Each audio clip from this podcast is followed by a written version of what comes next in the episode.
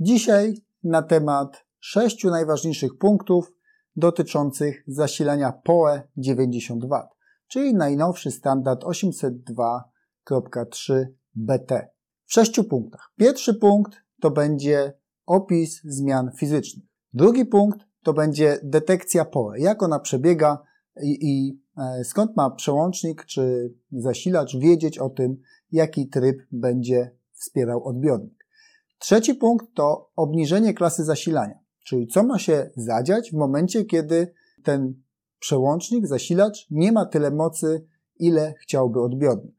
Czwarty punkt to nowa funkcjonalność e, w tym standardzie AutoClass, czyli możliwość negocjacji pomiędzy urządzeniem odbiorczym a e, zasilaczem, ile faktycznie mocy trzeba zarezerwować dla danego urządzenia. Piąty punkt to jest komunikacja po LLDP. Mamy tu optymalizację wymiany informacji pomiędzy urządzeniem końcowym a zasilaczem e, przez protokół LLDP.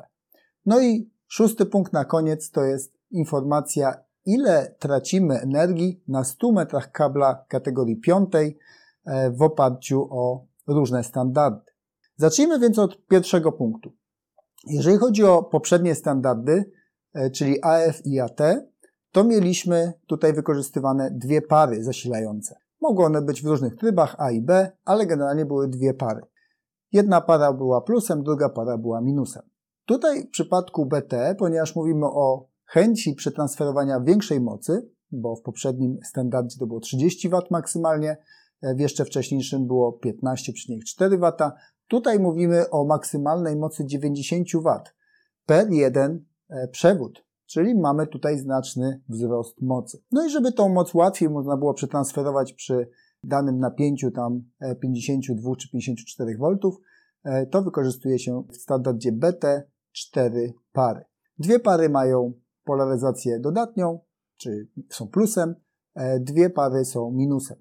To, która będzie para plusem, minusem, może być różnie dostarczone przez różne urządzenia zasilające, a urządzenie końcowe, odbiorcze ma mieć możliwość przetworzenia tego zasilania w dowolny sposób.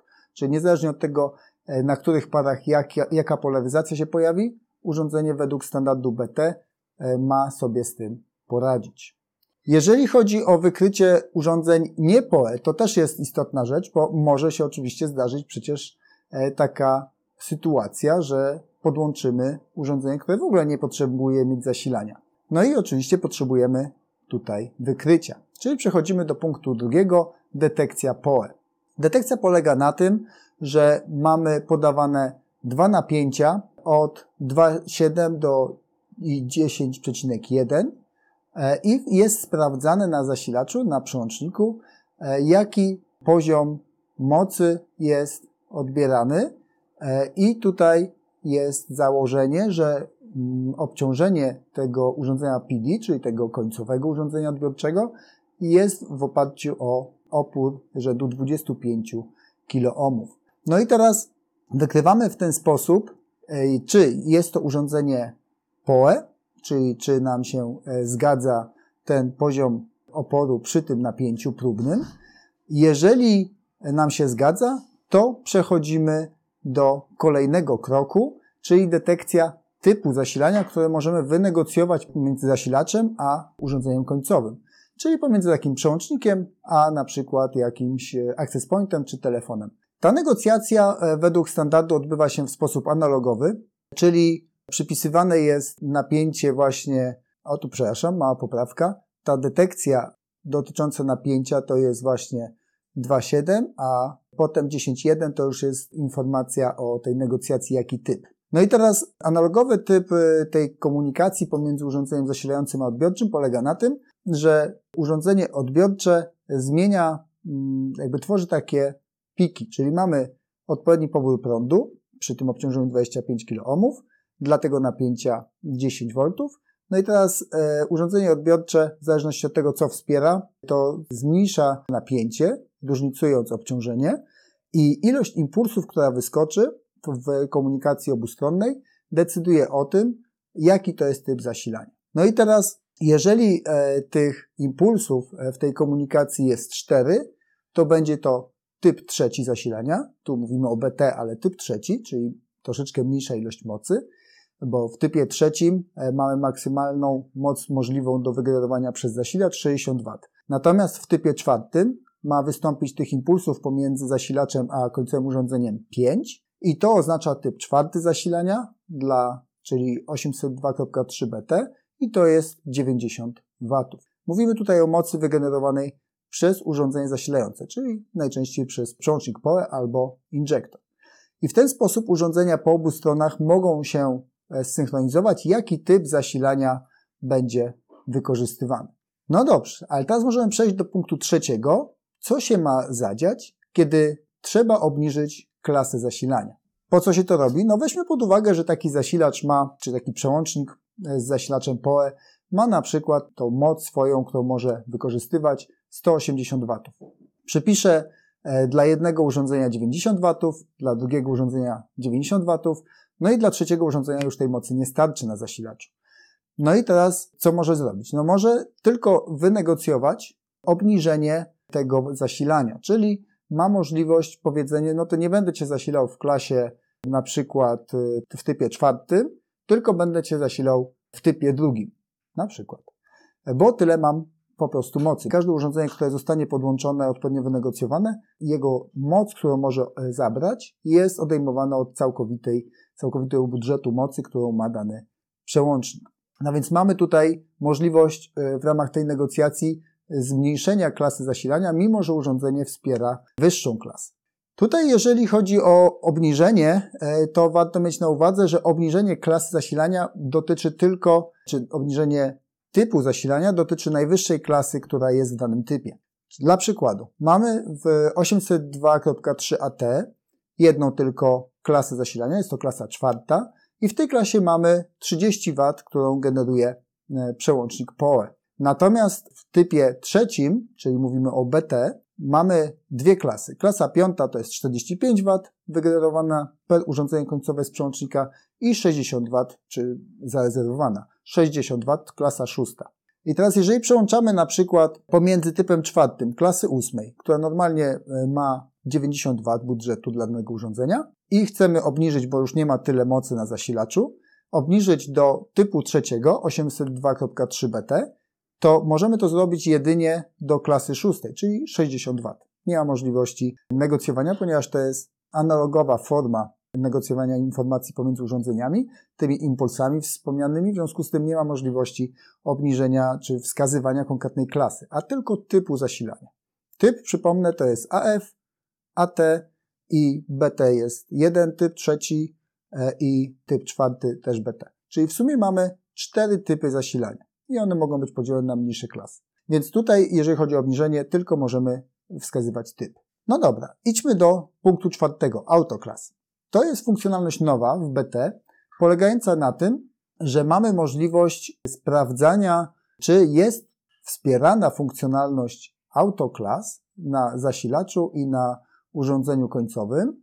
Jeżeli jest wspierana, to oprócz tego, że urządzenie jest wynegocjowane w danym typie zasilania i klasie, to na początku to urządzenie końcowe pobiera maksymalną ilość mocy, jaką może, a następnie obniża do tego, co potrzebuje. Dzięki temu zasilacz wie, jaka jest maksymalna ilość mocy, którą to urządzenie potrafi pobrać, a potem e, sprawdza sobie średni pobór mocy, które urządzenie wykorzystuje. Dzięki temu, nawet jeżeli ma na przykład w typie czwartym w klasie ósmej przyznane 90 W, ale urządzenie wykorzystuje na przykład 60 albo 65, to rezerwacja mocy na zasilaczu jest tylko te 65 W, czyli może resztę mocy tego zasilacza PoE przeznaczyć na obsługiwanie innych urządzeń. Także jest to duża zmiana, jeżeli chodzi o możliwość wsparcia optymalizacji e, dla danego zakresu. Kolejnym punktem jest e, punkt piąty, LLDP. Ponieważ mamy taki doskonały protokół, który umożliwia e, elastyczne negocjowanie informacji pomiędzy urządzeniami sąsiedzkimi przez protokół L2, to dlaczego by nie wykorzystać tego protokołu do negocjowania wymagań POE pomiędzy urządzeniami końcowymi a zasilającymi? Do tej pory też szeroko wykorzystywaliśmy LDP do informacji, wysyłania informacji pomiędzy urządzeniami, na przykład dotyczącymi VLANu, dotyczącymi tagowania, e, różnych innych parametrów pomiędzy urządzeniami. Również w niektórych przypadkach było stosowane LDP dla zasilania. ale to niekoniecznie było według standardu. Tutaj, jeżeli chodzi o BT, to e, wprowadzono możliwość negocjowania tego potrzebnego zasilania do zasilacza od urządzenia z dokładnością do 0,1 W. Czyli mamy możliwość już na wstępie, dzięki LDP, wynegocjowaniu bardzo dokładnego poziomu rezerwacji mocy na zasilaczu, w zależności od tego, co urządzenie końcowe wyśle. I dzięki temu mamy możliwość optymalizacji zarządzania budżetem mocy po prostu na zasilaczu. I tu mówimy głównie o tym, jak rezerwujemy moc na przełączniku POE. No i punkt szósty to jest ciekawe, ile mocy możemy utracić. A co e, za tym idzie? Warto przewidzieć, czy możemy zastosować na przykład 90W zasilanie per przewód w naszej konkretnej sytuacji. No bo trzeba pamiętać, że jeżeli tracimy moc na przewodzie, to znaczy, że ta moc przemienia się e, w energię cieplną. Czyli my generujemy po prostu dużo więcej ciepła przy zasilaniu 802.3 BT niż to miało miejsce wcześniej. I tak dla przykładu. Klasa ósma, czyli 90 W, które w BT możemy teraz wygenerować zgodnie z standardem, na 100 metrach kabla e, kategorii piątej tracimy 18,8 W mocy. Czyli na jednym kablu, a zapewne takich kabli będziemy mieli ułożonych wiele e, w jednym peszlu, na odległości 100 metrów jeden kabel może stracić e, tam prawie 19 W. I tu trzeba się zastanowić, czy my jesteśmy w stanie po prostu tą cieplną energię odpowiednio rozproszyć. Czyli te kable nie są poukładane gdzieś tam bardzo ciasno w jakichś e, korytkach, do których nie ma dostępu powietrza, nie ma żadnej wentylacji i to się tam po prostu będzie grzało. To jest rzecz, którą warto rozważyć. Dla klasy szóstej, czyli dalej mówimy tutaj o BT, ale moc to jest na poziomie 60 W wygenerowana z zasilacza. Tu mamy moc na 100 metrach 9 W. Czyli widać, że jakby rośnie to nieliniowo wręcz nawet ta utrata mocy. No bo przy 60 W zasilacza na 100 metrach mamy 9 W utracone, a przy 90 W wygenerowanych z zasilacza mamy dwa razy tyle, czyli sporo. Jeżeli chodzi o klasę trzecią, tak dla porównania, klasa trzecia to jest typ AF, czyli 15,4 W z zasilacza. Tutaj utrata mocy na odcinku 100 metrów to jest 2,4 W, czyli standard AF 2,4 W, standard w klasie najwyższej zasilania BT prawie 19 W, 2 do 19. Więc to bardzo dużo zmienia. Jeżeli chodzi o przewidzenie tego, w jaki sposób mamy e, zaplanować okablowanie, jakie okablowanie mamy, E, i czy to okablowanie jest w stanie znieść taki poziom zasilania. To jest te sześć najważniejszych punktów. E, na koniec jeszcze tylko jeden komentarz, po co e, wymyślono czy zaproponowano, jakie są scenariusze użycia dla tych 90 W. Chodzi tu głównie o to, że można zasilać laptopy i inne większe kamery. Czyli na przykład teraz miały kamery problem, jeżeli miały włączoną czy zabudowaną grzałkę. Czyli mówimy tu o kamerach zewnętrznych, które mają jakąś grzałkę i tutaj obsłużenie tego było trochę wyzwaniem. E, już było lepiej oczywiście w trybie AT, e, gdzie możemy dostarczyć 30 W, no ale tu w zależności od wielkości urządzenia, skomplikowalności tego urządzenia, ilości e, naświetlania podczerwonego, grzałek, różne tego typu rzeczy tutaj wchodzą w grę. Tu niewątpliwie ten tryb BT z 90 W daje dużo więcej możliwości zasilania. I jeżeli mówimy tutaj o kablowaniu, które idzie na zewnątrz e, i ono jest tam e, relatywnie dobrze chłodzone, to, to tutaj ten problem nie występuje. Natomiast e, inny scenariusz to jest zasilanie laptopów, jak wspomniałem, czyli tu zasilacze na przykład 60W i to jest super pomysł, jeżeli jest tylko oczywiście możliwy do zrealizowania. Czyli zasilanie jednym kablem jednocześnie ethernetowym bez konieczności podłączania się gdzieś tam indziej do gniazdek.